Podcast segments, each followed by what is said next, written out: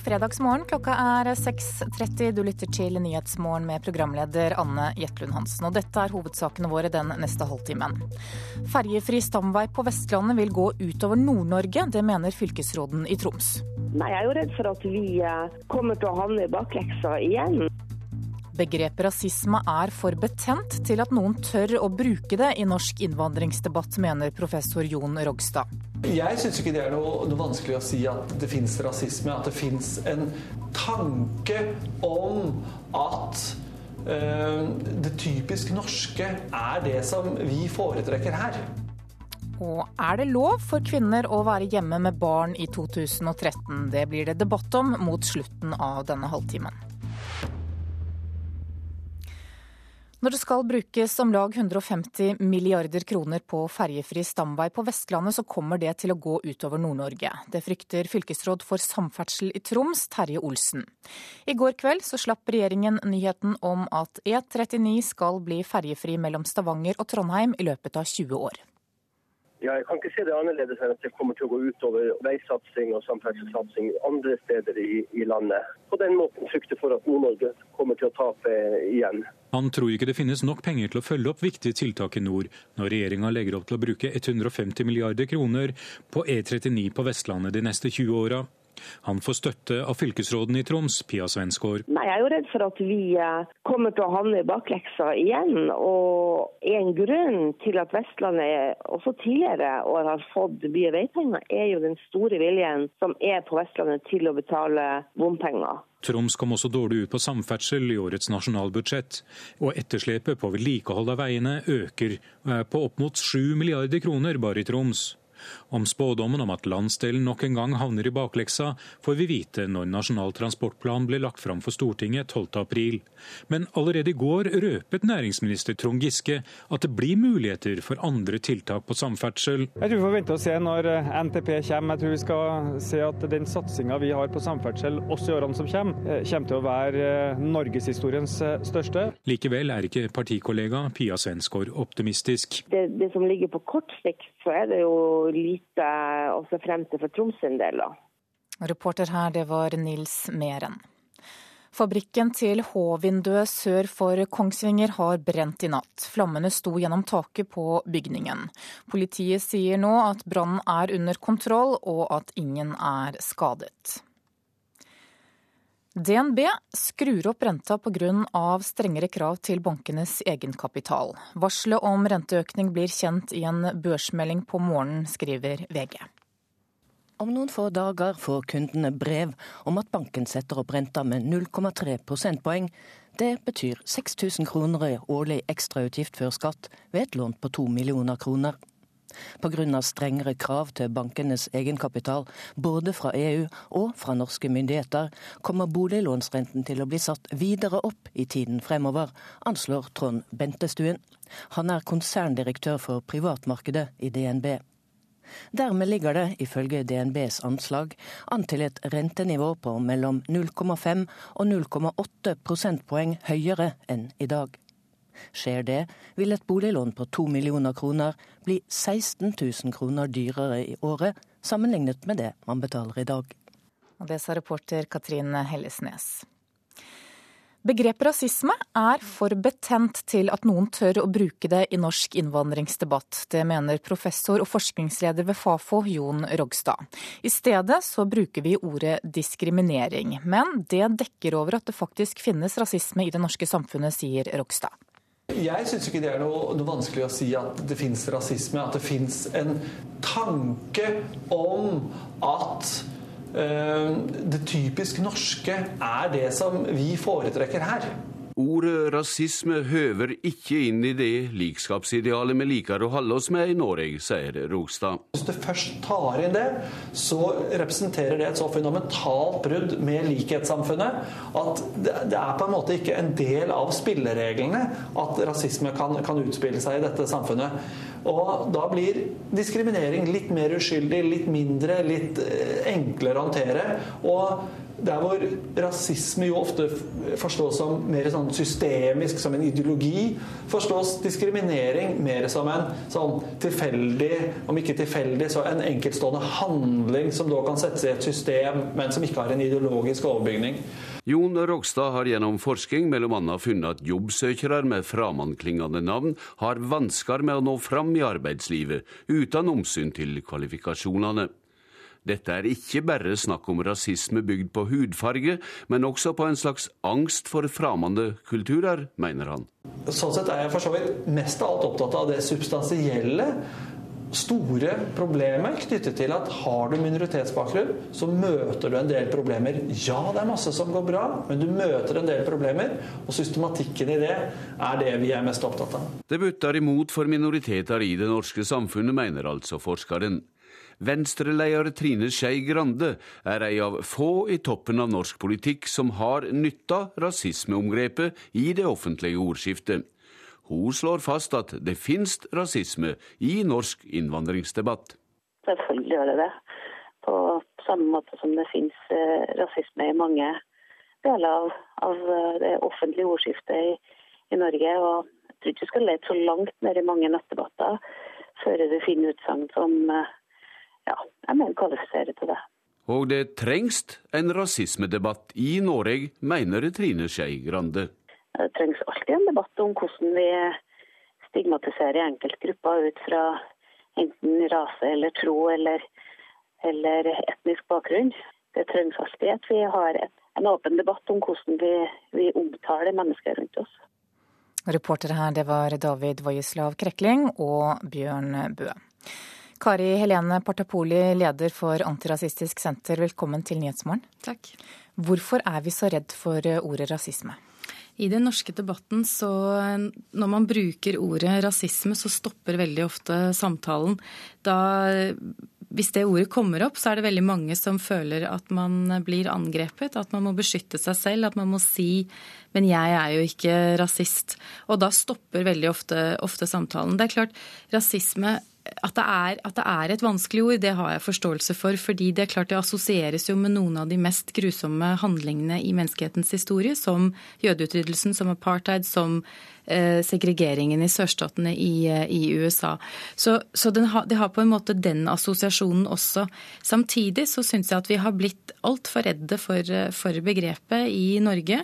Og jeg deler, deler, den holdningen som Jon Rogstad har her, at vi også må kunne være, være mulighet til å bruke ordet og diskutere begrepet. Fordi det finnes i Norge også.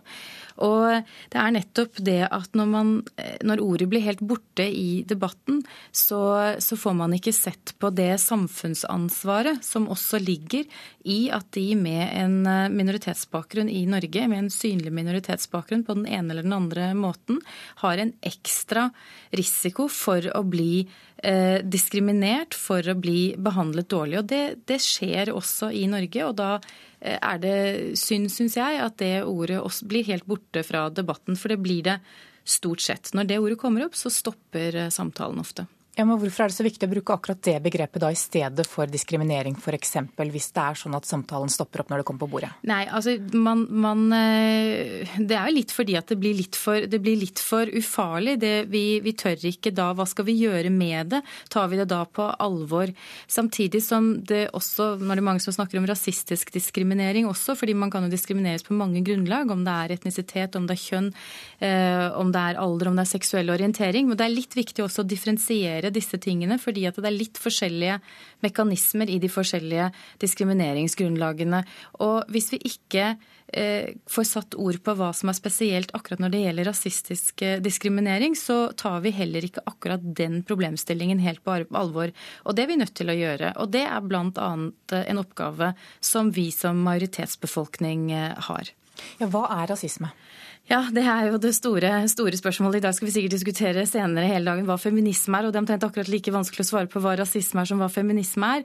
Men rasisme er, eh, for å si det veldig enkelt, en negativ forskjellsbehandling basert på hudfarge, etnisitet, eh, opprinnelse eh, eller, eller nasjonalitet. Og da har jeg gitt den helt enkle versjonen, og så vil det finnes veldig mange forskjellige synspunkt på, på hva det er.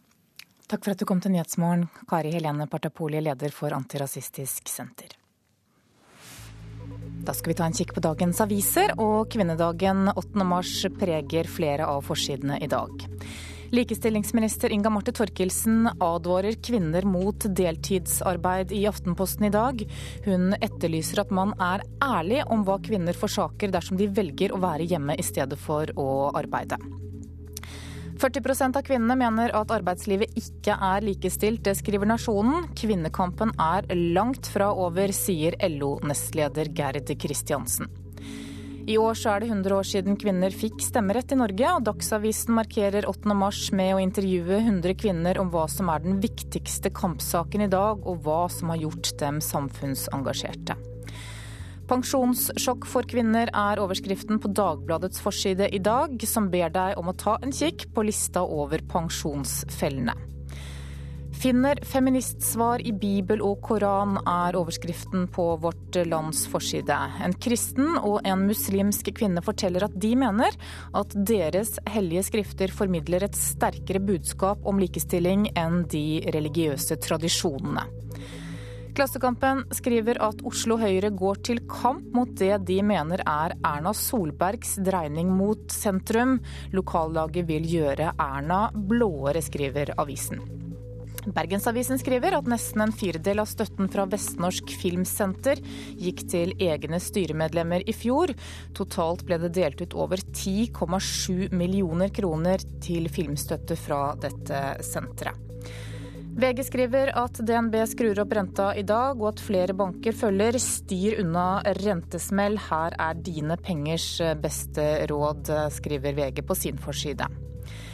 Tilspisset kamp om valg av trasé er overskriften i Bergens Tidende. Regjeringen lover, som vi har hørt, ferjefri E39 fra Kristiansand til Trondheim innen 20 år. Og byrådslederen i Bergen sier at det haster å få på plass valget av trasé. Dagens Næringsliv skriver at det er gode tider for Pareto og gründer Svein Støle. De siste ti årene har foretaket tjent 15 milliarder kroner.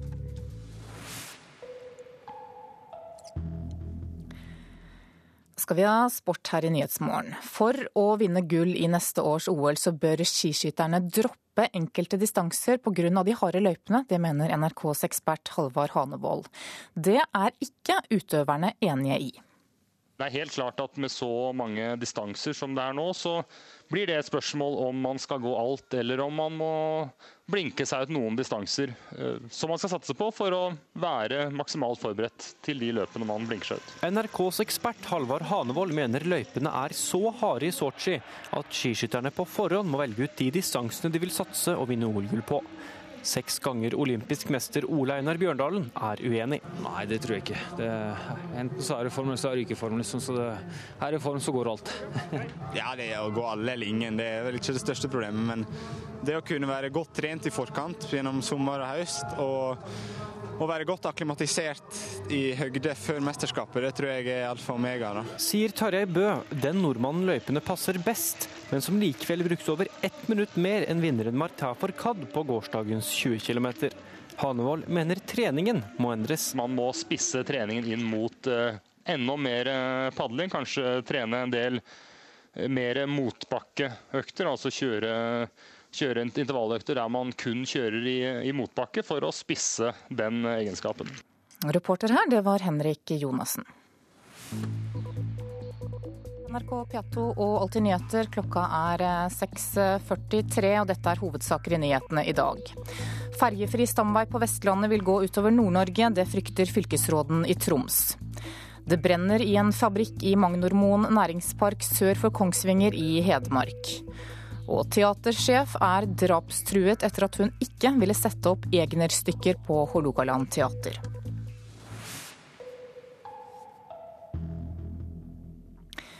I dag så er det 8. mars, og det betyr at det er kvinnedagen. Margunn Hovda har valgt å være hjemmeværende mor, og føler seg som kjerringa mot strømmen.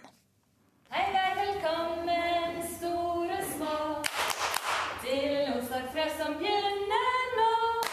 Det er jo ikke så mange som, som, er hjemme nå, så jeg blir jo litt sånn Jeg, jeg føler jo at jeg er annerledes. At jeg, jeg må oppsøke, jeg må lete etter andre som er hjemme. Vi er på Hafrsfjordsenteret i Stavanger. Margunn Hovda er mor til seks, og i dag har hun tatt med sine to yngste barn på to og fem år hit. Margunn er utdannet sykepleier, men for fem år siden la hun jobben på hylla for å tilbringe mer tid hjemme med barna. Det var en gang jeg var så trøtt jeg sovna på sofaen der, der en, en av ungene sto og grein på sier av meg 'Ikke sov, mamma. Ikke sov'. Mm, og det er jo sånn åh, Jeg bare klarte ikke å holde øynene åpne. De datt bare igjen, og, han, og jeg, jeg hadde så dårlig samvittighet. Margunn er som mødre flest. Ønsket om å være en god mamma står høyt, men for hennes del veier dette ønsket tyngre enn noe annet. Og så det at I samfunnet så blir det ikke prisgitt, eller det blir liksom ikke satt pris på at du faktisk er med dine egne unger. For arbeidsminister Anniken Huitfeldt har sagt at norske kvinner nå skal kunne klare å kombinere det å ha barn og det å være i arbeid. Men klarer man ikke det, da faller man utenfor. I forhold til pensjonspoeng, jeg har jo veldig lite å stille opp med der. Så jeg føler jo at jeg, eh, at jeg er naiv blondine som ikke har fulgt med i timen. Som ikke Jeg føler at andre står og tenker at hun kommer til å få seg en smell en gang. sant? Plutselig så oppdager at du ikke har pensjon i det hele tatt. Eh, for, for du, du, har på en måte trådt ut av noe samfunnsgode. Som er Du skal jo leve nå. Ja. Tenker jeg. Mm. Du er ikke garantert du får oppleve pensjonsalderen. Nei. Nei, det, det, er jo, det er jo nå du har tid ungene. På onsdagstreffet får Margunn møte andre mødre som også har valgt å bli hjemme, eller som jobber redusert. Likevel føler hun noen ganger på den dårlige samvittigheten over å kun prioritere sine egne barn. Ja, jeg kjenner jo på det av og til. Jeg har kanskje fått spørsmål om eh, skal du begynne å jobbe igjen, eller hva tenker du framover? Litt mer, ja. Når de blir større, for da er det unaturlig for folk at eh, en er hjemme. Men jeg, eh, jeg tenker at det har en, en større verdi for ungene mine og for familien og i samfunnet generelt det er folk som er hjemme. Jeg, jeg tenker jo at mange foreldre går glipp av utrolig mye kjærlighet og utvikling som ungene har, som de ikke får sett ordentlig. Det sa Margunn Hovda til reporter Vilde Mebust Eriksen. Og på NRKs egen debattside på nett Ytring så har debatten rast de siste ukene om det er lov for kvinner å være hjemme med barn eller ikke. Og Gunhild Maria Hugdal Marken, du er selv mor og sier at feminismen fjerner seg fra grasrota. Hva mener du med det? Jeg reagerer på en type feministisk retorikk som gi veldig mange kvinner en annenrangs subjektposisjon. da. Fordi at eh, de blir som, eller ja, Kvinner som velger noe annet enn fulltidsarbeid, blir framstilt som en trussel mot likestillinga. og blir framstilt som et svik delvis mot andre kvinner, mot kvinners rettigheter. Og eh, blir framstilt som om de ikke skjønner sitt eget beste. Og ikke klarer å ta, ja, være bevisst nok til å vite hvilken kalkulert økonomisk risiko de tar ja, at de disse kvinnene framstilles utelukkende som et problem som må løses. da. Ja, Hvem er det som fremstiller dem sånn? Jeg vil si toneangivende feminister. Det er jo primært den politisk eh, korrekte feminismen jeg reagerer på. Jeg er jo feminist sjøl, men jeg syns den norske feminismen er veldig snever da, og veldig på arbeidslivets premisser. Blogger og mor også Jorunn Stokke Aamodt, stemmer det at moralistiske feminister skremmer norske småbarnsmødre fra, til å jobbe fulltid og ofre tida de egentlig ønsker å bruke med barna sine? Nei, jeg kjenner meg ikke igjen i den virkelighetsbeskrivelsen der. Jeg mener jo at um, det å være mor i 2013, uh, da, du, da, får du kritikk uansett hva slags stillingsbrøk du velger. Så det er litt sånn damn if you do og damn if you don't. Og jeg ser jo heller ikke eh, si, konsekvensene av denne trusselen som de sier at det finnes. Fordi så vidt meg bekjent så er det 40% av norske småbarnsmødre som uansett jobber deltid. Så problemet er jo snarere at alle, nesten alle fedrene jobber heltid, og vel så det, enn at kvinnene føler seg tvunget hjemmefra og ut i fullt arbeid. Men vi har sett på denne debattsiden Ytring at det skaper eh, ganske stort engasjement blant eh, bl.a. Eh, småbarnsmødre. Hva sier du til dem? Eh, nei, hvem av dem da tenker du på? Jeg tenker på de som føler at det er problematisk å kombinere eh, full jobb f.eks. og det å, å, ta seg av barna sine så mye som de ønsker. Ja, Nei, jeg ser jo absolutt det problemet. Eh, og det er ikke sikkert at det bare vil si at Eh, problemet er at man må jobbe fulltid, men det også opplever at det er veldig eh, store krav og forventninger til det å være en god mor, eh, og hvor mye til stede man skal være. Og at man også kan kjenne på den skammen som Maria snakker om hvis man sitter på jobb og ikke savner barna sine. Sånn at det er definitivt to spor her. Samtidig så har vi jo velferdsordninger som kvinner i mange andre land bare kan drømme om. Svangerskapspermisjon og ammefri og kontantstøtte og, og, ja, nesten full barnehagedekning. Mange av oss har jo også god eh, råd, og marken er vi for selvbevisste og kravstore? Nei, det vil jeg ikke si. Jeg tror, eh, eller jeg vet eh, ja, at mange, ikke alle. Det er klart, eh, Kvinner er ikke en ensartet gruppe. Kvinner har ulike erfaringer av omsorg og morsrolle i tidsklemma og med fulltidsarbeid. Ehm, men eh, jeg vet selv, jeg har sjøl følt på den nederlagsfølelsen knytta til å ikke Jeg føler at jeg ikke strekker til. Ikke helt på jobb, ikke helt eh, sånn som optimalt hjemme. Kravstore det vil jeg ikke si at vi er. Og heller ikke småbarnsforeldre en homogen gruppe med samme type økonomi. Det fins mange småbarnsfamilier som er tynt til det ytterste av høye boligpriser. Og som har veldig lite valgfrihet, og som ikke har noe særlig med forbruk å kutte i. Mm. Men er ikke friheten til å velge mellom jobb og hjemmetilværelse en del av denne frigjøringa for kvinner? Jo, det burde være det, syns jeg. Og klart Det er historiske grunner til at eh, arbeidslinja har blitt vektlagt så mye. Det handler jo om at mange kvinner har blitt økonomiske tapere. Men jeg tenker at det må finnes, eh, gå an å tenke, ja, tenke nytt og tenke alternativt rundt det. da. Det går an å finne løsninger som fordeler det økonomiske tapet mellom eh, ektefellene eller foreldrene. Om noen kvinner eller menn velger å være deltidsarbeidende eller hjemmeværende. Jorunn Stokke at du mener at vi fortsatt bærer med oss en kulturarv fra 50-tallets husmødre, at det er noe av problemet. Hva tenker du på da? Eh, nei, jeg tenker jo at vi som er småbarnsmødre nå, altså vår generasjon, Eh, mange av oss har jo fortsatt vokst opp med eh, hjemmeværende mødre, og har med oss eh, våre mødre og bestemødres standard for hvordan det skulle være hjemme. Altså hvor rent det skulle være, og hvor, hvor mye man skulle liksom bake selv og lage middagen fra bunnen av. og ja, hele den standarden der da, som jeg tror at det er vanskelig å kvitte seg med, selv om vi nå Eh, mange av oss jobber mye utenfor hjemmet. Og at det er den, den skvisen der da, er med på å lage det tidsklemma. Hvorfor er det sånn at kvinner velger å ta mye ansvaret for familielivet? Nei, det, det er jo et godt spørsmål. Men en del av det har nok med, med historien å gjøre, tenker jeg. At det er kvinner som stort sett har tatt ansvaret for hjemmet.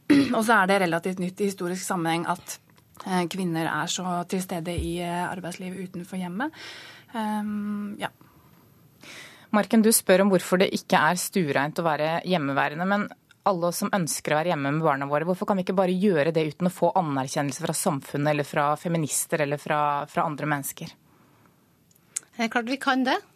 Men eh, ja, det er jo et stort spørsmål det med hvordan eh, ja, hva slags handlingsrom, eh, handlingsrom, og bevegelsesfrihet et menneske har innenfor en diskurs. da. Jeg tenker Den feministiske diskurs i Norge på det her har vært veldig ensretta. Ehm, men klart, friheten har vi. Men det, ja, på en måte, men samtidig som frihet. Vi må se litt under overflata på begreper som frihet, i forhold til hvilke normer for kvinnelighet og normer for morsrolle som kommuniseres da, i dagens eh, diskurs. Da sier jeg gratulerer med dagen til eh, begge to. Gunhild Maria Hugdal Marken og Jorunn Stokke Aamodt.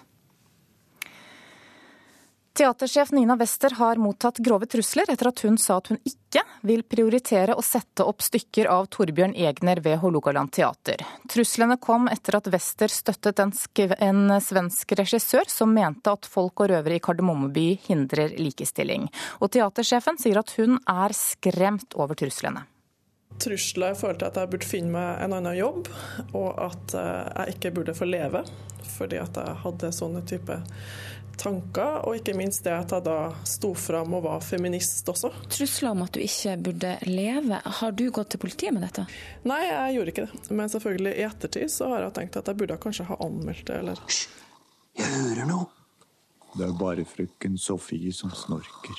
Bakgrunnen var at hun i et intervju med NRK støtta en svensk regissør som sa hva hun mente, etter å ha sett ei oppsetning av folk og røvere i Kardemommeby. Det er jo det at det speiler et samfunn og idealiserer et samfunn eh, med vurderinger som jeg syns at vi burde ha levnet bakom oss for veldig lenge siden. Og i eh, januar så sa teatersjefen på Hålogaland teater dette, da vi spurte henne om hun ville sette opp Egner på sitt teater. Eh, nei. Eh det mm, har ikke jeg noe behov for. Jeg, med det utgangspunktet jeg har for hva jeg syns er bra kunst for unger, så hadde ikke jeg satt opp det ennå. Jeg skjønte jo at det ble kontroverser ved at jeg gikk ut og støtta Sofia Jupiter, som hevda en del av de tingene her. Eh, men at det skulle vekke sånn harme, det må jeg si at jeg ble litt overraska over. Og Jonathan skal vaske opp den saken, den er grei. Og etterpå skal alle sammen ut og vaske seg. Nei. Jo! På en dag som 8. mars så er det interessant at liksom også kvinner i Norge ikke får ytre seg. At man på en måte anser at det er provoserende at kvinner ytrer seg i en offentlig debatt. Og det syns jeg er ekstremt problematisk. Påvirker dette dine valg på noen måte som teatersjef for Hålogaland teater? Absolutt ikke. Snart tvert imot så føler jeg meg veldig styrka til å stå for de valgene og det synet som jeg har på barneteater, og der tør jeg hevde at jeg har mer kompetanse på det feltet enn dem som har sendt meg de mailene. Så Pippi kommer som planlagt? Pippi går som planlagt, og vi skal satse fremover på mange nye tekster som er retta mot barn. Så, så lenge jeg er her, så blir det en av Torbjørn Egner. Men eh, det er rett og slett fordi at jeg er mer interessert i andre ting. Jeg har ikke noe imot Torbjørn Egner. Jeg bare er mer interessert i noe annet, og det har jeg muligheten som når jeg er kunstnerisk leder på Hålogaland teater. Reporter her var Karoline Rugeldal.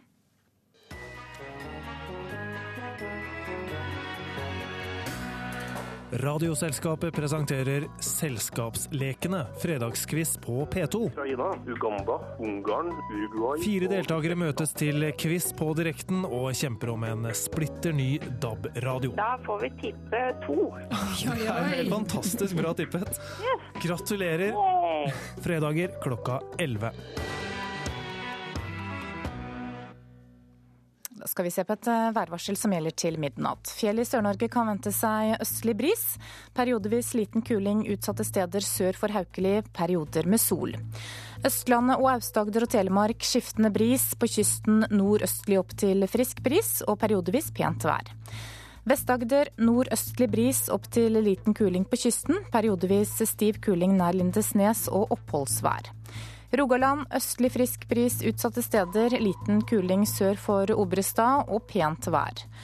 Hordaland østlig frisk bris utsatte steder og pent vær. Sogn og Fjordane østlig bris, ved Stad nordøstlig stiv kuling og ellers pent vær. Møre og Romsdal nordøstlig periodevis liten kuling på kysten, stiv kuling i sør og pent vær. Trøndelag skiftende bris, på kysten periodevis nord- og nordøstlig frisk bris. Snøbyger i ytre strøk, ellers pent vær. Helgeland og Saltfjellet kan vente seg skiftende bris i dag. På kysten nordlig frisk bris. Perioder med snøbyger, men også gløtt av sol. Salten, Ofoten, Lofoten, Vesterålen og Sør-Troms. Der er det ventet nordlig eller frisk bris av skiftende retning. Fra i ettermiddag liten kuling på kysten. Stort sett oppholdsvær i Salten, ellers snøbyger. Nord-Troms frisk bris av skiftende retning.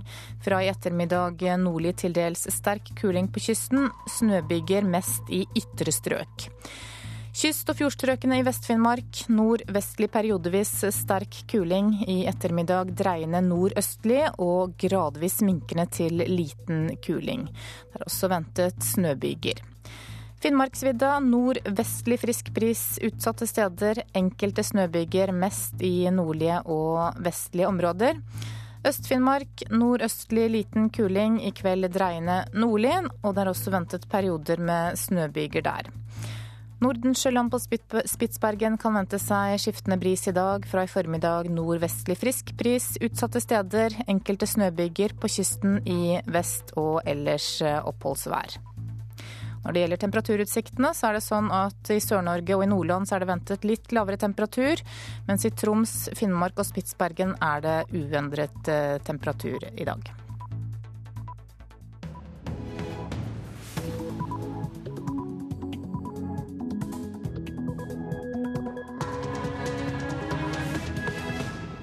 Klokka er sju. Du lytter til Nyhetsmorgen med Anne Jetlund Hansen i studio. Her er en nyhetsoppdatering. Alle gravide skal få spørsmål om partneren slår dem når de oppsøker helsestasjonen. Det vi foreslår er at uh, gravide kvinner skal rutinemessig få spørsmål om de har vært utsatt for vold eller seksuelle overgrep. Sier helseminister Jonas Gahr Støre. Bilistene må betale mest for ferjefri Europavei 39 i Hordaland og Rogaland. Jeg, tror at her vil en ta utgangspunkt i ferjekostnadene, og så vil den kanskje bli noe, noe høyere. Eh, fordi at det er, eh, det er jo en svær investering. Sier Liv Signe Navarsete. Teatersjef er drapstruet etter at hun ikke ville sette opp Egner-stykker på Hålogaland teater. Begrepet rasisme er for betent til at noen tør å bruke det i norsk innvandringsdebatt, mener professor Jon Rogstad.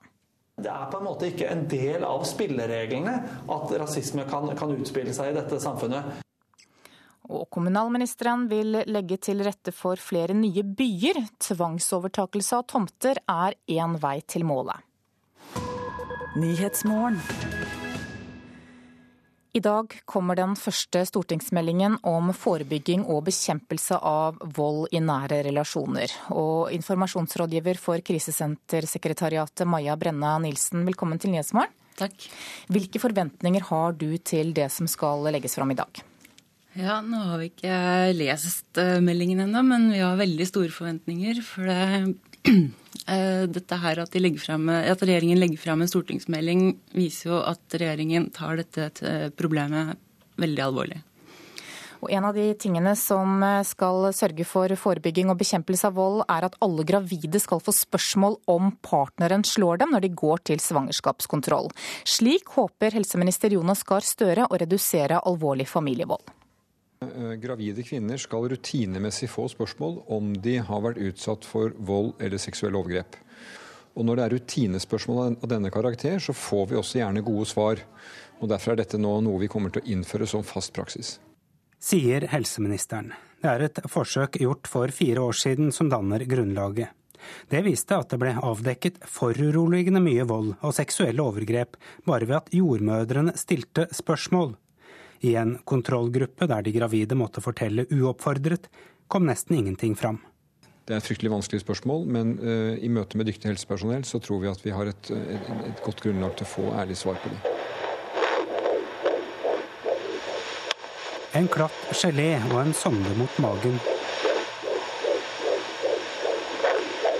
Og magien ved et ufødt livs hjerteslag kommer ut av høyttaleren hos jordmor. Turi er i lykkelige omstendigheter i dobbel forstand. Hun er blant flertallet gravide som har et utmerket forhold til barnets far. Men kan se for seg at det ville ha vært en lettelse å bli bedt om å fortelle. Nå vet jeg ikke hvordan det er å være i et sånt forhold, men det må jo være Når man i tillegg er gravid, så er det sikkert veldig vanskelig. Også jordmødrene som skal stille de ubehagelige spørsmålene til de gravide, er positive til tiltakene Støre vil innføre. For vold mot gravide er vanligere enn man tror. Ja, vi har også britiske studier som viser at vold i graviditeten øker istedenfor å reduseres. Sier Marit Heiberg, leder i Jordmorforeningen. Hun tror det kan bli ubehagelig, men tror det skal gå greit. Eh, vi må rett og slett eh, tørre å spørre. Eh, vi må sette oss ned med den gravide og, tørre å spørre. Og vi må også tørre å høre det svaret som kommer. Og hvis vi får et svar vi ikke har forventa oss, så må vi følge opp. Det er veldig viktig. Det er ikke noe poeng å spørre hvis ikke vi har noe tiltak å komme inn med. Og tiltakene kan ofte bli å snakke med politiet, sier Jonas Gahr Støre. Helsepersonell har normalt taushetsplikt. Når de avdekker familievold, har de derimot plikt til å snakke, sier helseministeren. Jeg sier nå veldig tydelig fra til helsepersonell at uh, hvis de kommer over tilfeller hvor det er vold, så har de altså en plikt uh, til å si ifra til politiet. Har de mistanke, så bør de også si ifra. Det er faktisk slik at det er uh, brudd på loven å ikke si ifra. Og Noen føler vel kanskje at taushetsplikten sier at man skal være varsom med sånn, men det er det altså ikke. Her skal de beskytte, og da er det også viktig at de, de sier ifra. Vi må ha mer bevissthet om det, og kvinner er en spesielt utsatt gruppe. Reportere her, det var Fredrik Lauritzen og Arild Svalbjørg. Tilbake til deg, informasjonsrådgiver Maja Brenna Nilsen i Krisesentersekretariatet. Hva syns du om dette forslaget om å spørre gravide direkte om de blir utsatt for vold? Nei, det er veldig bra.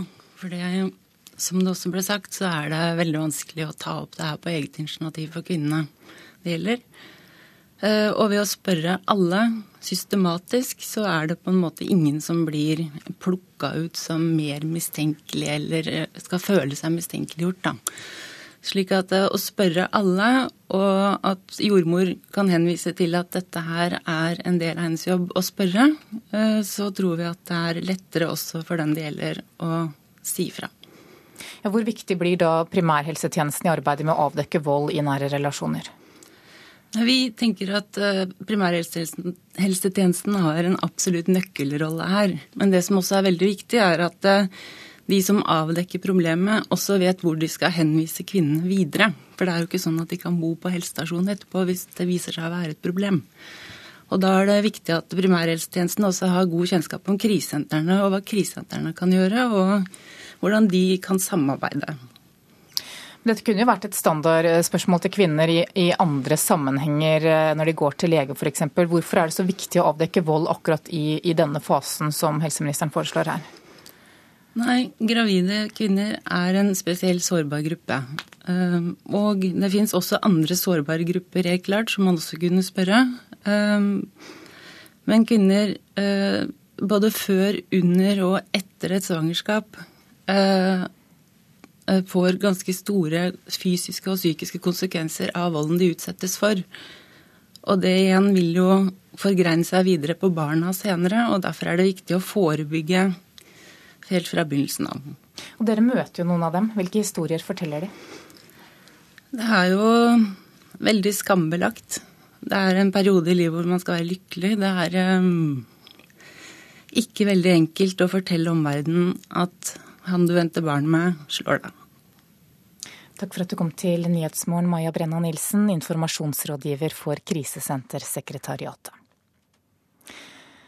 Da skal det handle om eh, noe helt annet, nemlig samferdsel. Bilistene må betale mest for Europavei 39 i Hordaland og i Rogaland. I Senterpartilederens hjemfylke Sogn og Fjordane og i Møre og Romsdal så spytter staten i en større andel. NRK kunne i går fortelle at regjeringen lover ferjefri europavei 39 fra Stavanger til Trondheim i løpet av 20 år. Det er historie om 20 år. Biler skal ikke lenger snirkle seg av fergene på vestlandskysten. Billettøren blir byttet ut med bombrikke, og prisen blir satt opp. Jeg, jeg, tror at her vil en ta utgangspunkt i ferjekostnadene, og så vil den kanskje bli noe, noe høyere. Eh, fordi at det er det er jo en svær investering. For Buknafjordsambandet NRK fortalte om i går kveld, må bilistene betale 90% selv. Navarsete bekrefter at statens finansieringsandel i Rogaland og Hordaland er liten, men staten vil ta en større del av kaken der det bor færre folk, i Møre og Romsdal og hennes eget hjemfylke, Sogn og Fjordane. Så da blir statlige penger brukt mest i distriktene, og bilistene må ta størst regning nær byene? Det kan, du, det kan du si. Det vil jo alltid være en vurdering som eh, blir gjort faglig av Vegdirektoratet, hvor stort bompengepotensialet er i det enkelte eh, samband. Det er jo ikke rettferdig, så jeg vil i hvert fall skjønne hvis folk i Hordaland og Rogaland blir eh, irritert over at de skal flå oss mer enn andre. Og Det er nettopp derfor bompenger er en så utrolig dårlig måte å finansiere veibygging på. Og det er nettopp denne skjevfordelinga andre nestleder i transportkomiteen på Stortinget, Fremskrittspartiets Bård Hoksrud, liker dårlig. Han roser prosjektet, men mener det er fullt mulig å få til uten en eneste bompengekrone. Ja, det handler om politisk vilje. Det. Når det er politisk vilje til å gjennomføre noe i dette landet, her, så klarer vi å få det til. Vi bruker i år 207 milliarder kroner i Nordsjøen, som er kjempebra for å få mer oljeinntekter.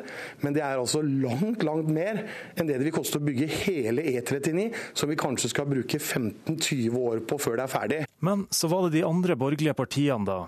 For Høyres Bent Høie er valget enkelt. Nei, Jeg liker ikke bompenger, men jeg elsker vei. Og da skjønner han også at noen bilister må bidra mer enn andre. Jeg er fra Rogaland sjøl, og jeg vet jo at trafikkgrunnlaget over Buknafjorden eh, mellom eh, Stavanger, Haugesund og Bergen er noe helt annet enn eh, over Sognefjorden. Og da må vi òg akseptere at skal vi få hele strekket som ferjefritt, så må staten bidra sterkest der det er lavest trafikkgrunnlag. Den samme oppfatninga har lederen av transportkomiteen, KrFs Knut Arild Hareide. For han er det uaktuelt å droppe bompenger. Da vil det gå utover andre viktige velferdsområder, og det er ikke jeg villig til eh, å prioritere. Eh, jeg er villig til å si ja til disse prosjektene, men da må òg bompenger være en del av helhetsløsninga, og det opplever jeg at vestlendingene er villige til. Reportere her var Lars Nehru Sand og Ole Marius Rørstad. Kommunalministeren vil ha flere nye byer rundt Oslo og andre regionsentre. I dag kommer regjeringens boligmelding, som er ment å få fart på boligbyggingen. Og kommunalminister Liv Signe Navarsete fra Senterpartiet mener at hun har nøkkelen til flere boliger. Dersom tomter blir liggende ubrukt lenge, så må kommunene ha mulighet til å ta dem tilbake gjennom ekspropriasjon. Så Det skal nyttes med forsiktighet, men det kan nyttes dersom eh, kommunen ser behov for det. Som politikere flest ivrer Navarsete etter langt flere boliger. Boligmeldingen som legges frem i dag forteller hvordan regjeringen ser for seg flere nye byer i sentrale områder. Jeg tror vi må bygge opp nye byer mindre eh, tettsteder og byer rundt eh, kollektivknutepunkt utenfor de største byene. Og selv om bostadtilgangen òg er større enn har vært på lenge, så trenger vi flere bosteder. Dagens krav til infrastruktur foreslås fjernet for å nå målet om flere boliger og nye byer.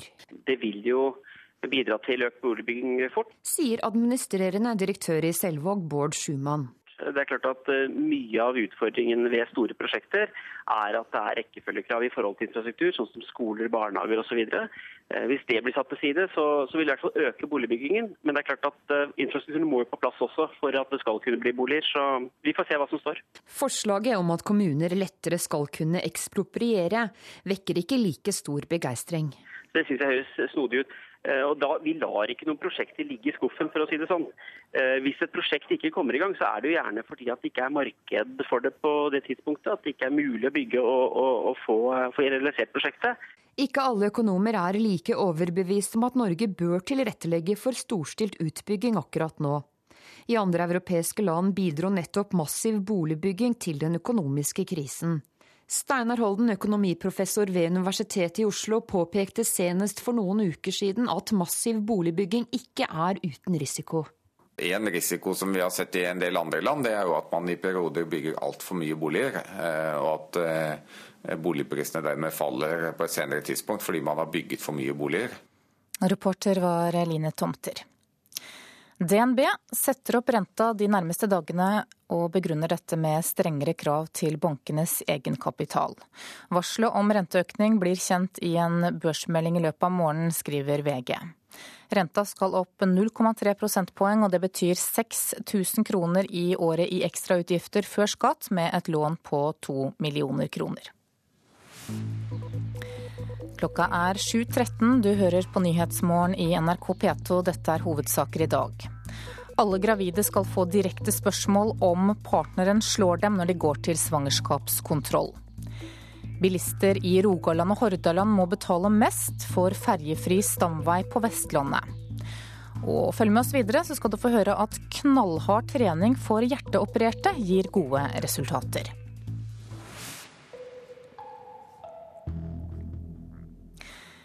I Venezuela samles i dag statsledere og støttespillere av den avdøde presidenten Hugo Chávez til begravelsesseremoni. Regjeringen i landet har bestemt at Chávez skal balsameres og legges på utstilling i all fremtid. I seks timer har tenåringene stått i kø her i Caracas. Tett i tett i røde T-skjorter med Chávez-caps. De er nå tre kilometer unna militærakademiet, der Hugo Chávez ligger i åpen kiste. Men de vil se ham, om det så tar nok et døgn å nå fram. Han eh, så ut som han har gjort de siste, den siste tida.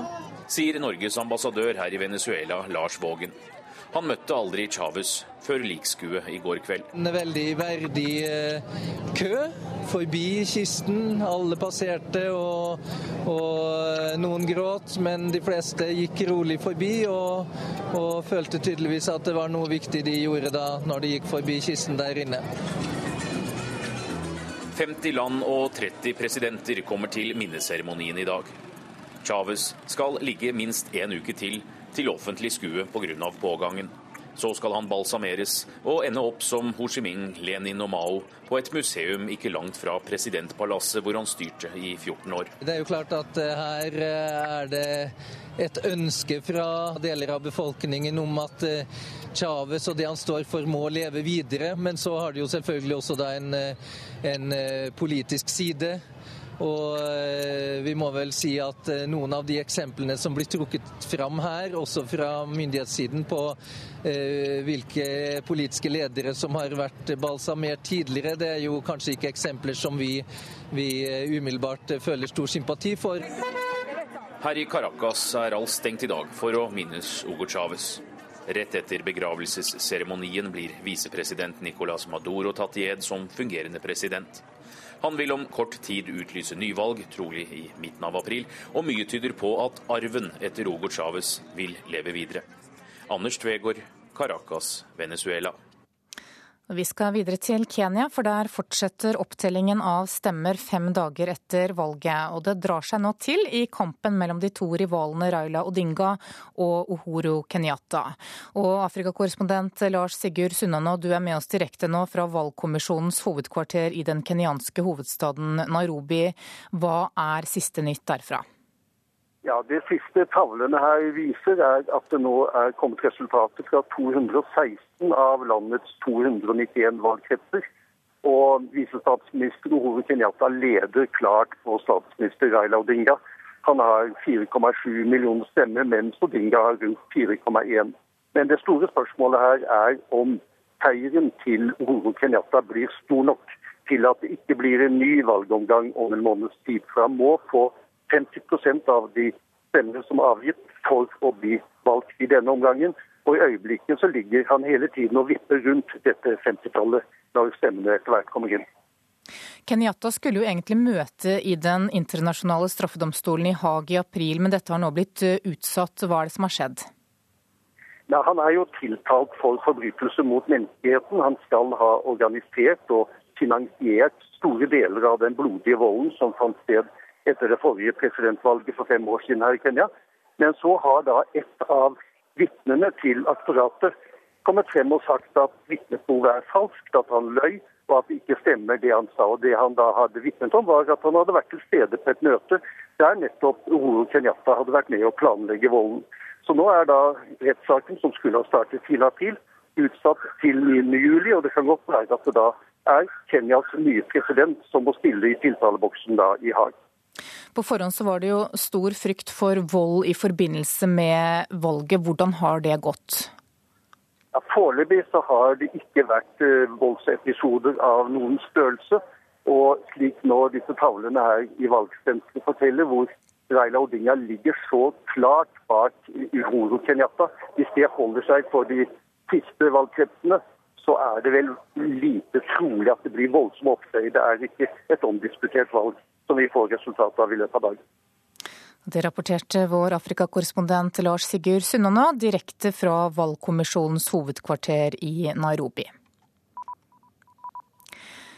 Nord-Korea har truet med å oppheve alle våpenhvileavtaler med Sør-Korea fra mandag neste uke. I tillegg så stenger de grenseovergangen mellom landene og kutter den direkte telefonlinja mellom de to lands regjeringer. Dette er en reaksjon på nye, strengere sanksjoner vedtatt av FNs sikkerhetsråd i går, etter at Nord-Korea i februar gjennomførte en atomprøvesprengning. Den syriske opprørsgruppen som holder 21 filippinske FN-soldater til fange ved Golanhøydene nær grensen til Israel, sier at de ønsker å løslate fangene så raskt som mulig. Ifølge filippinske myndigheter vil FN-soldatene bli overlevert til Røde Kors så snart det er praktisk mulig.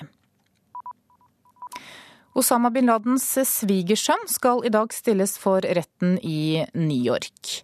Svigersønnen ble arrestert i Tyrkia i 2011 og deretter overført til USA via Jordan.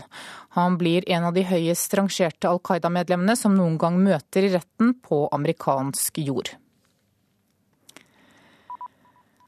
Den ukrainske feministgruppen Femen ønsker nå å spre sitt budskap til resten av verden, og oppretter kontorer flere steder. Kvinnegruppen er særlig kjent for sine toppløse demonstrasjoner.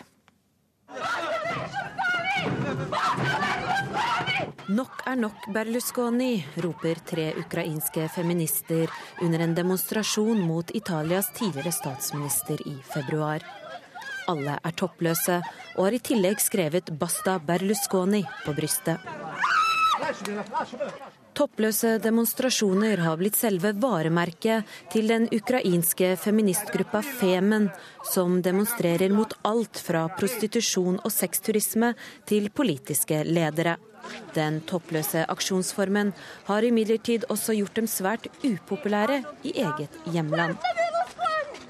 Derfor sikter de nå mot resten av verden og har opprettet kontorer i Berlin og Paris.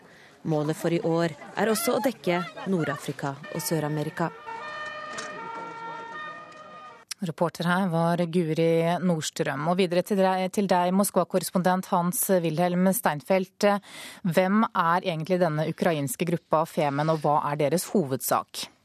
Ja, Dette var eh, kvinnelige studenter som i 2008 grunnla Femen, som er en eh, slags eh, ukrainsk orddannelse av ordet feminin. Det skjedde i 2008, som sagt, og det retter seg mot den mannsdominerte kulturen i Ukraina, hvor prostitusjon og sexturisme er en veldig, veldig stor trussel mot unge kvinner. Det er slutt med det her i Moskva, men jeg husker for ti år siden så sto det forfrosne ukrainske 17-18-årige jenter vinterstid i miniskjørt på flyplassveien her i Moskva og prøvde å kapre kunder.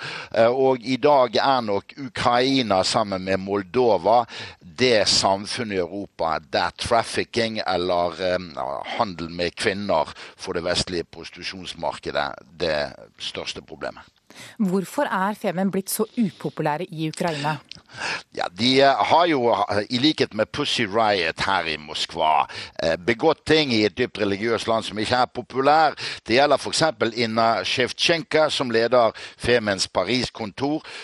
Hun søkte politisk asyl i Frankrike i fjor fordi hun er redd for at hun skal bli straffet. Hun sagde nemlig ned et svært trekors i ortodokse Kiev, midt i byen, som en solidaritetshandling med Pussy Riot. og og i Ukraina, der virkelig kvinnesynet ligger 70 år etter det norske, tør jeg påstå, er ikke slikt akkurat en kioskvelter som gjør deg til vinner av popularitetskonkurransene. Du, hva betyr det at de nå har opprettet kontorer i europeiske hovedsteder og også ønsker å dekke Nord-Afrika og Sør-Amerika? Det er nok et intellektuelt forsøk dette med Nord-Afrika og Sør-Amerika å koble seg til den internasjonale feministbevegelsen, men det er nok primært den menneskerettslige situasjonen for kvinner som sexobjekter i Ukraina som er gruppens målretning. I tillegg så prøver de jo naturligvis å gjøre seg synlige eh, ved å la seg representere i utlandet. Takk for at du var med i Nyhetsmorgen, Moskva-korrespondent Hans-Wilhelm Steinfeld. Da skal vi ta en kikk på dagens aviser, og kvinnedagen 8. mars i dag preger flere av forsidene. Likestillingsminister Inga Marte Torkelsen advarer kvinner mot deltidsarbeid i Aftenposten i dag. Hun etterlyser at man er ærlig om hva kvinner forsaker dersom de velger å være hjemme istedenfor å arbeide. 40% av kvinnene mener at arbeidslivet ikke er likestilt, skriver Nasjonen. Kvinnekampen er langt fra over, sier LO-nestleder Gerd Kristiansen. I år er det 100 år siden kvinner fikk stemmerett i Norge. Dagsavisen markerer 8. mars med å intervjue 100 kvinner om hva som er den viktigste kampsaken i dag, og hva som har gjort dem samfunnsengasjerte. Pensjonssjokk for kvinner er overskriften på Dagbladets forside i dag, som ber deg om å ta en kikk på lista over pensjonsfellene. Finner feministsvar i Bibel og Koran er overskriften på Vårt Lands forside. En kristen og en muslimsk kvinne forteller at de mener at deres hellige skrifter formidler et sterkere budskap om likestilling enn de religiøse tradisjonene. Klassekampen skriver at Oslo Høyre går til kamp mot det de mener er Erna Solbergs dreining mot sentrum. Lokallaget vil gjøre Erna blåere, ifølge avisa. Bergensavisen skriver at nesten en firedel av støtten fra Vestnorsk Filmsenter gikk til egne styremedlemmer i fjor. Totalt ble det delt ut over 10,7 millioner kroner i filmstøtte fra senteret. Tilspisset kamp om valg av trasé, skriver Bergens Tidende. Regjeringen har som vi hørt lovet ferjefri Europavei 39 fra Kristiansand til Trondheim i løpet av 20 år, og byrådslederen i Bergen sier at det haster med å få på plass valget av trasé. Dagens Næringsliv skriver at det er gode tider for Pareto og gründer Svein Støle. De siste ti årene har foretaket tjent 15 milliarder kroner.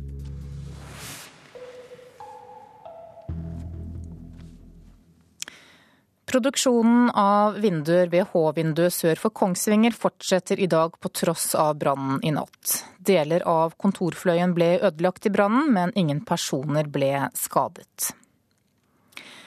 Knallhard trening for hjerteopererte viser resultater i ny forskning. Alle som har deltatt i prosjektet har fått bedre helse og større livsgnist. Til sommeren skal funnene presenteres for forskere over hele verden. Kom igjen, Vidar. Litt til nå. Blir du sliten?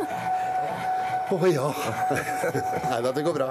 Det er lite som vitner om at Vidar Alfredsen har vært gjennom to store hjerteoperasjoner der han tråkker i vei på spinningsykkelen.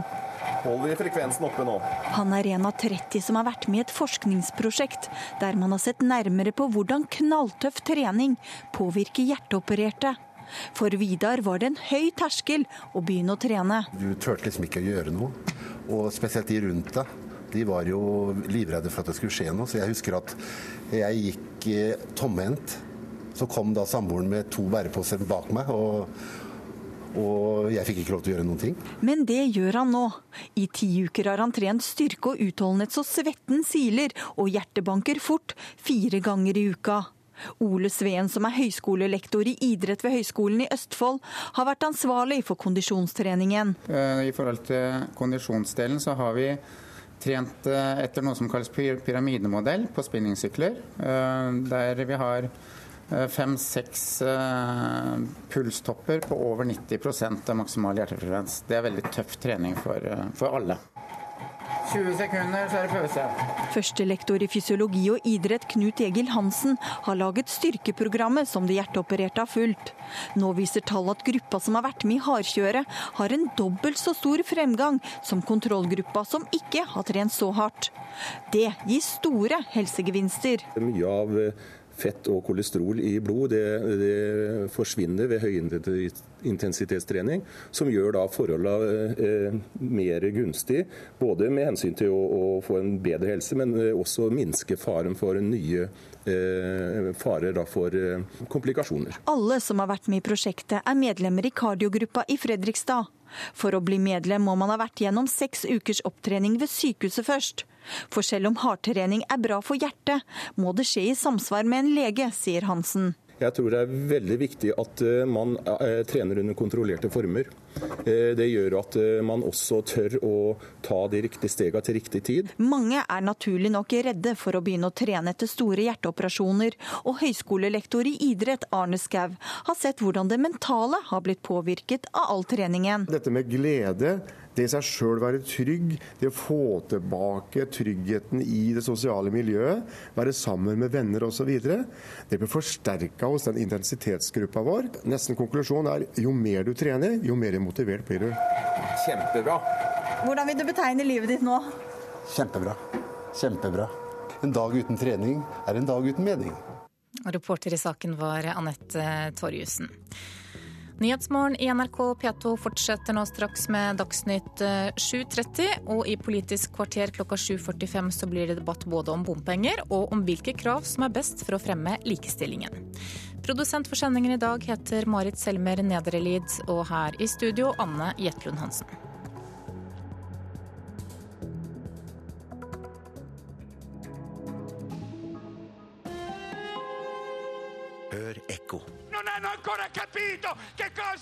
Finanskrisa i Europa sender arbeidsledigheten i taket. Forakten for korrupte politikere øker, og ekstreme protestpartier blir valgvinnere.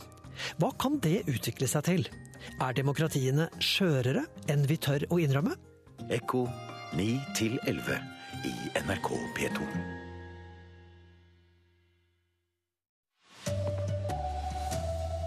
Helseministeren vil at alle gravide skal spørres om de utsettes for vold. DNB har store overskudd, likevel øker de lånerenten. Det er bilistene nær byene som må betale mest for fergefri E39. Her er NRK Dagsnytt klokken 7.30. Alle gravide skal nå få nærgående spørsmål om partneren slår dem når de oppsøker helsestasjonen. Slik håper helseminister Jonas Gahr Støre å redusere familievold. Det blir leger og jordmødres oppgave å spørre alle kvinner på svangerskapskontroll om de har voldelige partnere.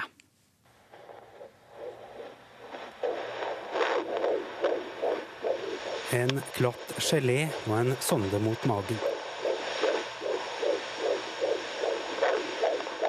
Så kommer magien i et ufødt livs hjerteslag fram i høyttaleren hos jordmor. Helt perfekt. Men noen gravide bærer på en hemmelighet, at de blir utsatt for vold av partneren. Vi vet at det er mer vold mot gravide enn det vi liker å tro. Vi har også britiske studier som viser at vold i graviditeten øker istedenfor å reduseres. Sier leder i Jordmorforeningen Marit Heiberg. Hun er positiv til at helseminister Jonas Gahr Støre vil at alle gravide skal få nærgående spørsmål om vold og seksuelle overgrep når de er til kontroll. Eh, og Hvis vi får et svar vi ikke har forventa oss, så må vi følge opp. Det er veldig viktig. Det er ikke noe poeng å spørre hvis ikke vi har noe tiltak å komme inn med. Og tiltakene kan ofte bli å snakke med politiet, sier Jonas Gahr Støre. Eh, hvis de kommer over tilfeller hvor det er vold, så har de altså en plikt eh, til å si ifra til politiet. Har de mistanke, så bør de også si ifra. Tilbake på helsestasjonen er den vordende mor Turi først og fremst fornøyd med at alt står bra til med barnet som vokser i magen.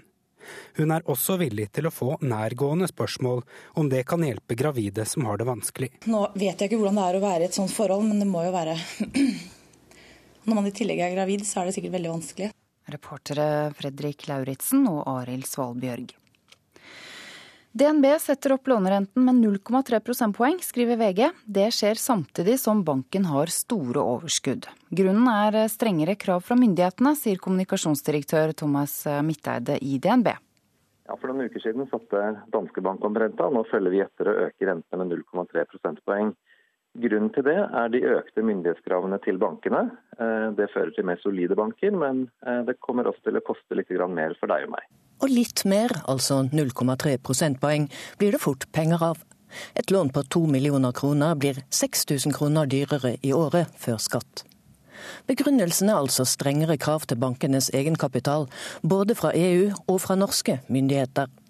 Midteide varsler at boliglånsrenten kommer til å øke enda mer. Vi tror ved enden av dette året at eh, rentene kommer til å ligge mellom 0,5 og 0,8 prosentpoeng høyere enn det de gjør i dag. Fra folk som haster til jobb i morgenrushet i Oslo, får ikke renteøkningen akkurat noen applaus.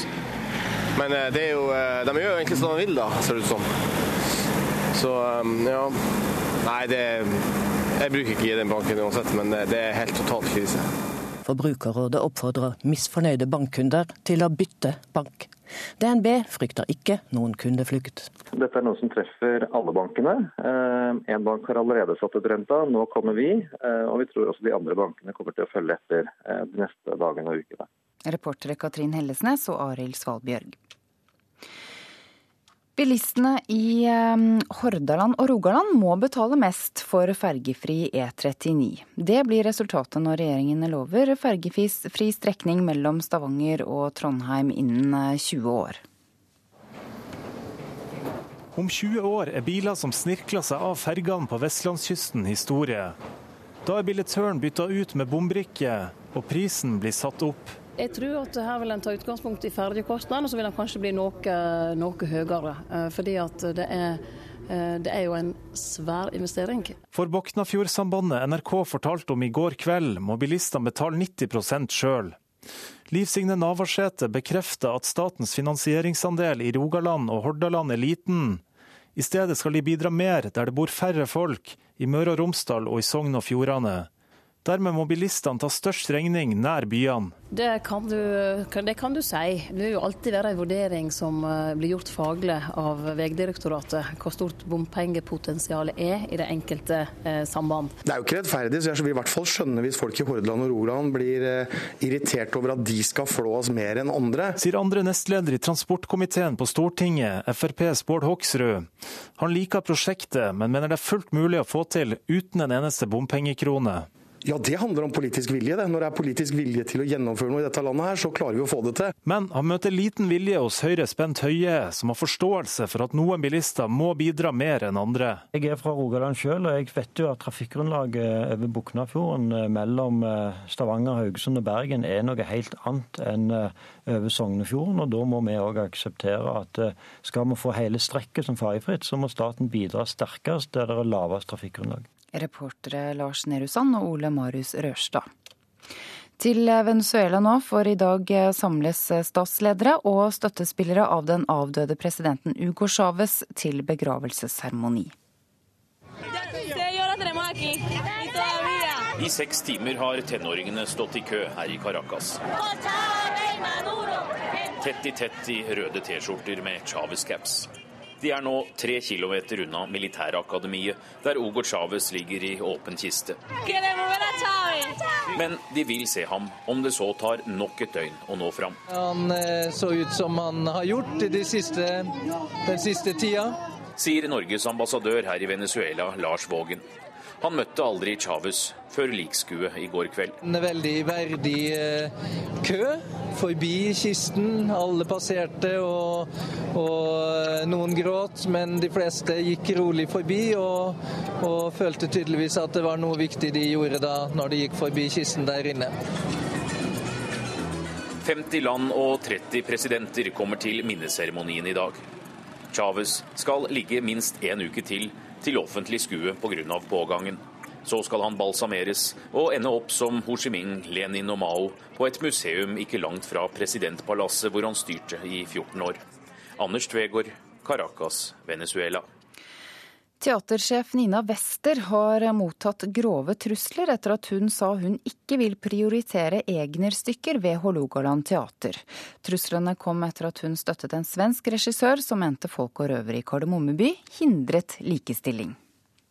Det var trusler i forhold til at jeg burde finne meg en annen jobb, og at eh, jeg ikke burde få leve fordi at jeg hadde sånne type tanker, og ikke minst det at jeg da sto fram og var feminist også. Trusler om at du ikke burde leve. Har du gått til politiet med dette?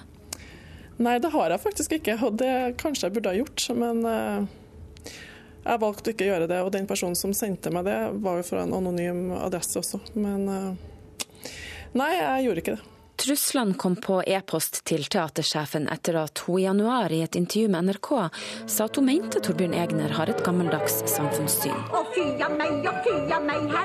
Wester støtta da den svenske regissøren Sofia Jupiter, som i en Aftenposten-kronikk kritiserte folk og røvere i Kardemommeby for å hindre likestilling og mangfold. Jeg skjønte jo at det ble kontroverser ved at jeg gikk ut og støtta Sofia Jupiter, som hevda en del av de tingene her. Eh, men at det skulle vekke sånn harme, det må jeg si at jeg ble litt overraska over. Og etterpå skal alle sammen ut og vaske seg. Nei. Jo! På en dag som 8. mars så er det interessant at liksom også kvinner i Norge ikke får ytre seg. At man på en måte anser at det er provoserende at kvinner ytrer seg i en offentlig debatt. Og det syns jeg er ekstremt problematisk. Reporter Karoline Rugeldal. Så sport. For å vinne gull i neste års OL bør skiskytterne droppe enkelte distanser pga. de harde løypene. Det mener NRKs ekspert Halvard Hanevold. Det er helt klart at med så mange distanser som det er nå, så blir det et spørsmål om man skal gå alt, eller om man må blinke seg ut noen distanser eh, som man skal satse på for å være maksimalt forberedt til de løpene man blinker seg ut. NRKs ekspert Halvard Hanevold mener løypene er så harde i Sotsji at skiskytterne på forhånd må velge ut de distansene de vil satse og vinne OL-gull på. Ja, det er å gå alle eller ingen. Det er vel ikke det største problemet. Men det å kunne være godt trent i forkant gjennom sommer og høst, og å være godt akklimatisert i høgde før mesterskapet, det tror jeg er alfa og omega. Da. Sier Tarjei Bø, den nordmannen løypene passer best, men som likevel brukte over ett minutt mer enn vinneren Marta Forkad på gårsdagens 20 km. Hanevold mener treningen må endres. Man må spisse treningen inn mot uh, enda mer uh, padling, kanskje trene en del uh, mer motbakke for å spisse den egenskapen. Reporter Henrik Jonassen. Ansvarlig for denne sendingen er Ragnhild Bjørge. Teknisk ansvarlig Per Ivar Nordahl. I studio Ida Creed. Klokka er 7.40 og Nyhetsmorgen fortsetter. Etterkommeren av en sultan har den siste måneden utløst den største krisen i forholdet mellom Malaysia og Filippinene på flere årtier. Årsaken er at familien hans har gått til væpnet aksjon for å gjøre krav på en ressursrik provins i Malaysia. Malaysia har svart med kamphelikoptre og granatangrep, og flere mennesker er drept.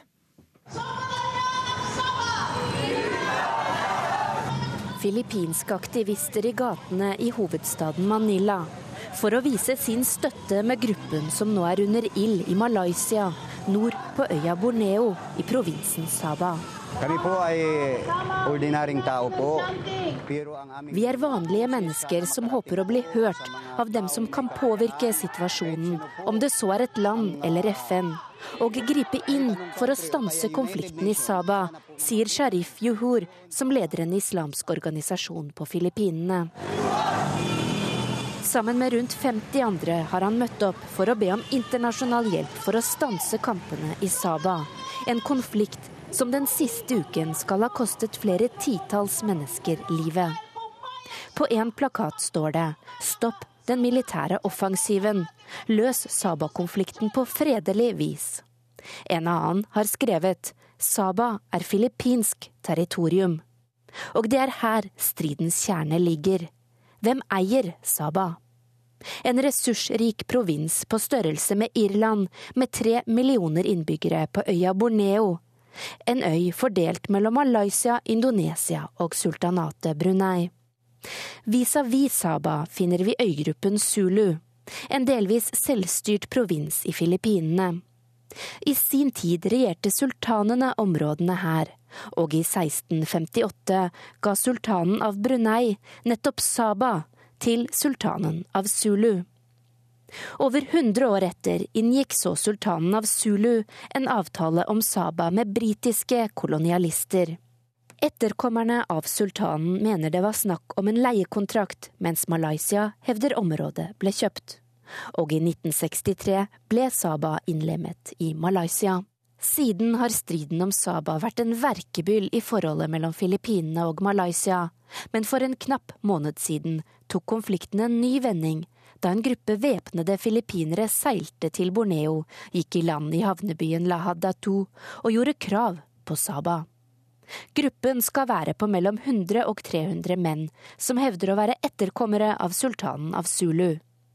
I Manila sitter deres 74 år gamle leder Jamalul Kiram 3. Noen har sagt til meg, sultan, overgi deg. Jeg liker ikke ordet å overgi seg. Vi er annerledes. Vi filippinere er annerledes. Vi overgir oss ikke, sier Jamalul Kiram 3. Hans lillebror skal være lederen for invasjonen i Saba.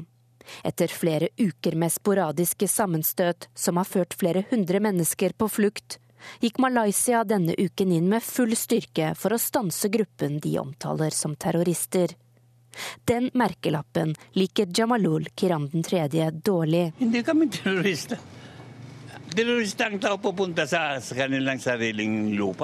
Vi er ikke terrorister.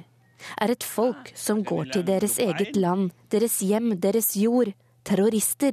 spør Jamalul Kiram 3. Ja, svarer nå både Malaysia og Filippinene, der ledere i begge land forbereder seg på valg og frykter at konflikten vil påvirke resultatene. Torsdag ba Jamalul Kiram den tredje om en våpenhvile i Sabah, men Malaysia nekter å stanse offensiven så lenge hans støttespillere ikke avslutter sin invasjon på Borneo og overgir seg. Det var utenriksmedarbeider Charlotte Bergløf som hadde laget denne saken. Du lytter til Nyhetsmorgen. Klokka er 7.44. Dette er hovedsakene våre. Alle gravide skal få spørsmål om partneren slår dem når de går til svangerskapskontroll. Slik vil regjeringen bekjempe vold i nære relasjoner. Ferjefri stamvei på Vestlandet vil gå utover Nord-Norge. Det frykter fylkesråden i Troms. Og begrepet rasisme er for betent til at noen tør å bruke det i norsk innvandringsdebatt. Det mener professor Jon Rokstad.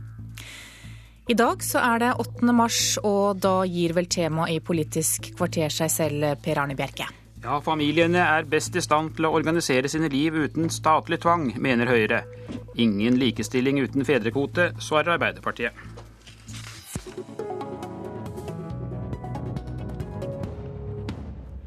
Men eh, først i Politisk kvarter om regjeringens planer om å bygge ny E69 fra Kristiansand til Trondheim. Store deler av denne gigantutbyggingen er det bilistene som selv skal betale med bompenger. Nestleder i Høyre Bent Høie, synes du det er en god eller dårlig idé at bilistene skal betale opptil ni av ti kroner for å få veien bygget? Ja, Rogfast, som du der snakker om, der er det et godt trafikkgrunnlag. Vi betaler veldig mye på ferjer der allerede. Og det å få kjøre i en eh, tunnel istedenfor å ha en vei som er, men har kolonnekjøring på 24 timer i døgnet, det, da er det bedre å betale på, på tunnelen i noen år enn å betale på ferja til evig tid. Nå skal vi høre hva en av dine mulige samarbeidspartnere etter valget, Bård Hoksrud Fremskrittspartiet, mener om bomfinansiering. For det første så er dette et kjempelønnsomt eh, prosjekt for samfunnet. Og da er det dumt å kaste bort mange milliarder kroner rett ut av vinduet for å betale for renter og innkrevingskostnader. Så vi mener at så lenge det er et så lønnsomt prosjekt, så bør staten fullfinansiere dette. Hvor skal du ta pengene fra da? Så Vi kan ta noe av oljeinntektene. Dette er et prosjekt som vi bruker flere år på å gjennomføre. Men dette er så lønnsomt, og det har beregninger vist, at dette må vi bare få på plass. og Det handler faktisk om å bygge landet vårt, og da må vi bruke noen av oljeinntektene på å bygge landet vårt. Bent Høie, hvordan skal du få Fremskrittspartiet med på å finansiere veien med bompenger? Ja, jeg regner jo med at Fremskrittspartiet er like opptatt av eh, som Høyre av å få bygd eh, denne veien raskt og få bygd den så billig som mulig. og Derfor er jo Høyre og Fremskrittspartiet enige om å bruke nye utbyggingsmetoder, se på avskrivningsreglene, eh, bruke offentlig-privat samarbeid. Og så er vi uenige på eh, andelen av eh, bompenger som skal inn i dette prosjektet. Ja, dere er jo ikke bare uenige, for nei. Fremskrittspartiet sier jo nei til bompenger, og du vil finansiere nesten hele veien ved hjelp av bompenger. Ja, ikke hele veien. Jeg sier at det kommer være betydelig statlig bidrag, spesielt på de prosjektene der trafikkgrunnlaget er dårligere enn Rogfast, som er brukt som eksempel her. Men uh, dette får vi da eventuelt forhandle om etter valget. og Det verste som kan skje for vestlendingene, er at det blir en høyere statlig bidrag og dermed mindre bompenger. Og Så er det òg viktig å se på andre utbyggingsmetoder, sånn at vi ikke f.eks. lar risikoen for eh, overskridelser bare bli bilistenes sak. Din eh, nestlederkollega Jan Tore Sanner han sa for en tid tilbake at eh, nivået på bompengene risikerer å undergrave folks betalingsvilje. Er vi nå snart ved en grense der det ikke er mulig å pålegge bilistene enda større kostnader? Jeg er enig i han når det gjelder en del av de prosjektene som handler om utbygging av vei generelt. Men det som var klar over at ferjefri E39 handler nettopp om det. Veldig mange strekninger der det er ferjer på ferjer i dag, der vi betaler på ferja. Eh, og jeg eh, tror at eh, vestlendingene er enig med meg i at det er bedre å betale noen år på en tunnel eller ei bro enn å betale til evig tid på ferja. Det har vi gjort mange ganger før, og erfaringen er at trafikkgrunnlaget alltid er bedre enn det prognosene tilsier. og Dermed så blir òg bompenger i perioden ofte kortere enn det som i utgangspunktet var planen. Det viktigste for Høyre det er å få bygd en ferjefri E39. Det skal være ei ferje på E39, og den skal gå mellom Hirtshals og Kristiansand. Ellers må en kunne kjøre eh, uten ferjer mellom Kristiansand og Trondheim. Dette er en vei som har ni kolonnekjøringer 24 timer i døgnet hvert eneste dag. Eh, en betaler allerede godt over 1000 kroner for å kjøre den strekningen. Jeg tror ingen andre hadde akseptert dette, f.eks. mellom Oslo og Lillehammer. Takk skal du ha, Bent Høie, men vi må vel da konstatere at det ligger an til en del interessante diskusjoner i regjeringen hvis dere skulle komme i posisjon etter valget.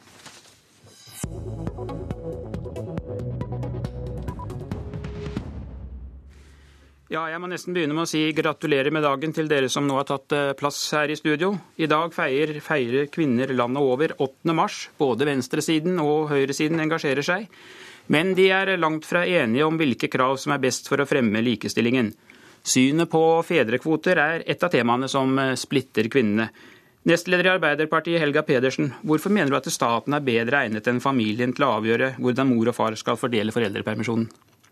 Jeg mener at norske mødre og fedre er fullt ut i stand til å finne ut hvordan de skal organisere sin eh, hverdag. Men dersom kvinner og menn eh, reelt sett skal ha lik mulighet til å være sammen med barna sine, og også ha like muligheter i arbeidslivet, så er det viktig at vi legger til rette for at både mor og far kan være hjemme med barna når de er eh, små. Og det vi ser fra Danmark, der har jo undersøkelser vist at et flertall av danske menn ønsker å være sammen med barna når de er små. Men etter at den borgerlige regjeringa i Danmark fjerna fedrekvota, så er det bare et mindretall av danske menn som faktisk benytter seg av den ordninga. Og, og, det eh, viser for meg at valgfriheten må faktisk stimuleres. Julie Brodkorp, du leder Høyres kvinneforum og vil at familien selv må få avgjøre om mamma eller pappa skal være hjemme. Hvilke erfaringer har du som tilsier at det er far som da kommer til å være hjemme? Nei, altså Blant annet så er jeg administrerende direktør i et uh, lite selskap. og Der ser jeg at for meg, om jeg ansetter nå en småbarnsfar eller småbarnsmor, er egentlig det samme. Fordi begge tar uh, permisjon. Og Det jeg også ser, er at det mm, småbarnsfamilier i dag uh, trenger, hvor de aller fleste av oss er begge to utarbeidende 100% det er mer fleksibilitet og ikke mer rigiditet. Og da er det noe med å ha respekt for at hver familie vet sannsynligvis sannsynligvis nok om seg selv til å klare å organisere det på en god måte, mens vi politikere har mindre informasjon om hver familie og må derfor respektere at familiene er ulike. Jeg mener det blir helt feil å gå inn i denne debatten med utgangspunkt i at alle tenker som eh, akademikere bosatt i Oslo.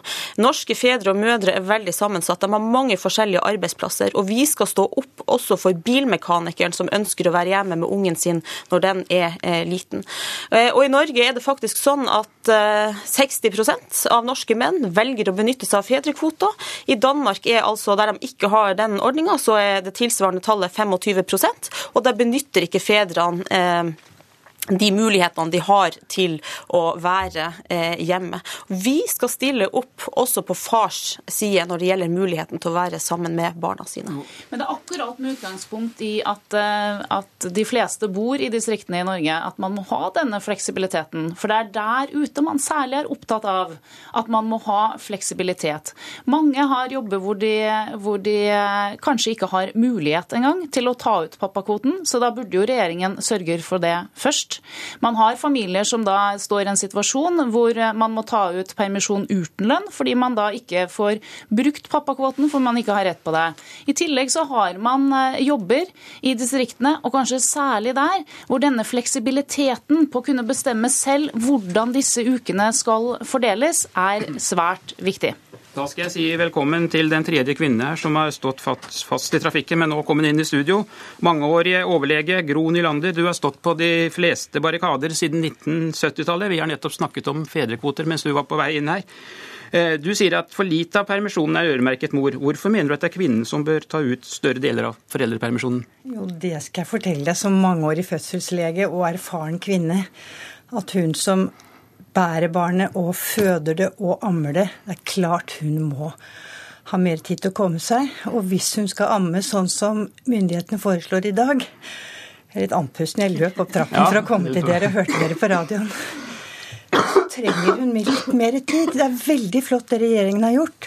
Flott med pappakvote, flott med utvidelse. Men Audun har tatt tre uker fra mor og gitt til far. Og det er akkurat de ukene hun trenger for å kunne amme sånn som hele verdens helsemyndigheter ja. foreslår. Helga Pedersen, her hører du hva overlegen sier, at man faktisk kanskje bør tenke litt på at kvinnen bør være hjemme for bl.a. å kunne amme sine barn. Ja, jeg opplever jo at det Gro Nylander tar tak i, det er jo den delen av permisjonen som er øremerka mor. Men de aller fleste kvinner er jo hjemme lenger enn den delen som er øremerka eh, mor. Eh, så det er jo ikke sånn at, eh, at eh, kvinner er eh, i, all, altså i gjennomsnitt er, hjemme den delen som er øremerka dem. Og vi ser jo at innenfor dagens ordning så har jo familiene, mener jeg, veldig stor valgfrihet til å finne ut hvordan de vil fordele det. Og i det store perspektivet. Da min mor fødte meg, så hadde hun tre måneders fødselsperm. Nå kan foreldrene være hjemme med ungene sine et helt år, og det mener jeg er et veldig stort eh, fremskritt for familien. Jo, men hvis barna. kvinnene nå velger å gå ut i jobb, Julie Brodkop, du er også altså administrerende direktør. Hvilke muligheter har du for å legge til rette for ammepauser på din arbeidsplass?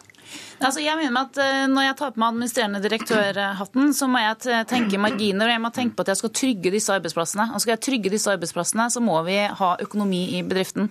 Hvis jeg skal ha ansatte som kommer tilbake etter permisjon på ti eller tolv eh, måneder, eh, og deretter skal ha rett på ammepauser, så de er borte noen timer hver dag hvis de skal komme seg hjem, så må jeg innrømme at det hadde nok gjort at jeg ble mer skeptisk til å, til å ansette de.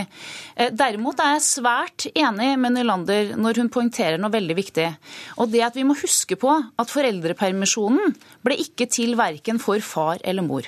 Den ble til for barnet. Og Det syns jeg vi skal huske også på 8. mars, hvor vi er opptatt av likestillingen. At det er svært mange andre virkemidler vi kan bruke for å få likestilling i det norske samfunnet, uten at vi glemmer barnet. Men spørre Nylander, Nå har du kanskje fått igjen eh, pusten også. Eh, du har jo da kjempet for kvinnenes rettigheter gjennom mange mange tiår. og Er ikke bl.a. det at kvinnene kan komme ut i arbeidslivet igjen helt avgjørende for lønnskampen? Helt avgjørende. Men Så problemet er egentlig akkurat den der midtre tredjedelen som nå skal være valgfri, mens jeg mener at kvinnen bør ha førsterett til å kunne være hjemme i iallfall åtte måneder hvis hun skal få det til sånn som Det er ikke alle som ønsker det, men veldig mange ønsker det. Og sånn som det er nå, så oppfører på en måte eh, politikerne seg som om alle familier er demokratiske og likestilte og sånn. Vi begynner jo nå å se kvinner som føler seg jaget ut. Mannen hadde lyst til å være hjemme med dette barnet, og de er kjempesåre, de er triste, og de sier akkurat når det begynner å bli deilig, og vi er over krisen, og jeg begynner å få blodprosent og ammingen går greit, så skal jeg ut. Så kvinnen må få førsterett til den delen også. Helga Pedersen, er ikke det dere gjør? Jager kvinnene ut?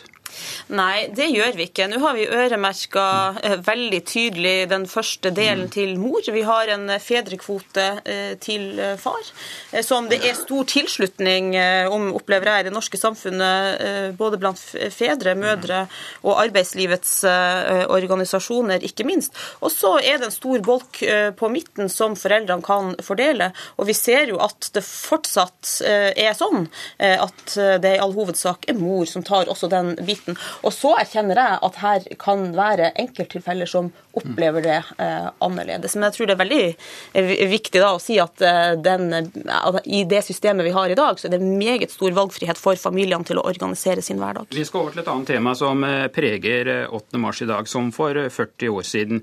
Og Det gjelder abortsaken. Etter at Høyres programkomité nå har varslet innstramning i abortloven, slik at alvorlig sykdom hos foster etter 12. svangerskapsuke ikke skal være en selvstendig grunn. I Dagbladet i dag så støtter Erna Solberg dette forslaget. og Julie Brodkorp, er du enig eller uenig med partilederen din? Nå kommer det et nytt programforslag eh, på mandag, som blir offisielt da. Da må jeg ta det til Høyres eh, kvinneforum. For Høyres kvinneforum er ikke meg, det er fylkesleder over hele, hele, hele landet. Det jeg har uttalt meg om, var det første programforslaget hvor det sto at man skulle da ha, hvor det sto eugenisk indikasjon. Det jeg er opptatt av i denne kampen, det er at vi ikke skal svekke abortlovgivningen. Jeg var faktisk en av de som selv for ett år siden eh, tok det prinsipielle standpunktet her, etter å ha hatt en prosess i Kvinneforum om abortloven, om hva eh, dette ville ha å si for kvinner. Etter å ha møtt mange av disse familiene, så har jeg kommet til at dette handler ikke verken om prinsipper hos Marx eller Burke. Det handler om å la kvinner og familier ta valg ut fra sin situasjon. For noen kan dette være en fantastisk berikende opplevelse å få et barn med store funksjonshemninger. For andre, bl.a. en alenemor som kontaktet meg, som fra før hadde to barn, nå fikk vite at hun ville få et barn med sterk ryggmargsbroks. Hun sa jeg vet jeg kommer ikke til å makte det. Det er ikke bare mitt liv, men også de andre barnas liv. Dette må en familie få bestemme selv. Helga Pedersen, føler du at Høyre med sitt programforslag svekker abortloven? Ja, det her er jo en helt klar innstramming av abortloven. Eh, og det er jo eh, forstemmende at eh, Høyre-lederen bekrefter at hun vil anbefale landsmøtet å stå for den linja som Høyre har hatt i mange år, nemlig at eh, her skal man innskrenke familiens mulighet til å bestemme sjøl i et så vanskelig og viktig valg for familien. Gro, Gro Nylander, er dette å reversere krav som du bl.a. har vært med ja, på å kjempe gjennom? Ja, ja, ja. Det startet jo nettopp med at man i det hele tatt fikk abort, så var det jo for å hindre fødsel av veldig skadede og syke og handikappede barn. Og nå snur man det plutselig på hodet. Jeg syns dette er et veldig alvorlig inngrep i den retten som vi har kjempet frem, og som er så bra, og som fungerer så bra. Vi har ikke fått flere aborter i løpet av de mange årene vi har hatt det. La det bestående bestå, ikke, ikke ødelegg dette her, Høyre. Julie Brodkopp, jeg ligger an til strid i Høyre om dette her nå? Det, det, gjør det åpenbart. Altså, vi er eh, mange sterke kvinner rundt i landet som eh, på vår eh, januarkonferanse tok stilling til den første formuleringen. Nå må vi se når det kommer på mandag på den andre formuleringen, men slik jeg har tolket det ut ifra det som er sagt til nå om hva som kommer, så ser det for meg ut som om standpunktet er mer eller mindre det samme. Det vil Høyres kvinneforum kjempe mot, og så får vi se hva landsmøtet bestemmer.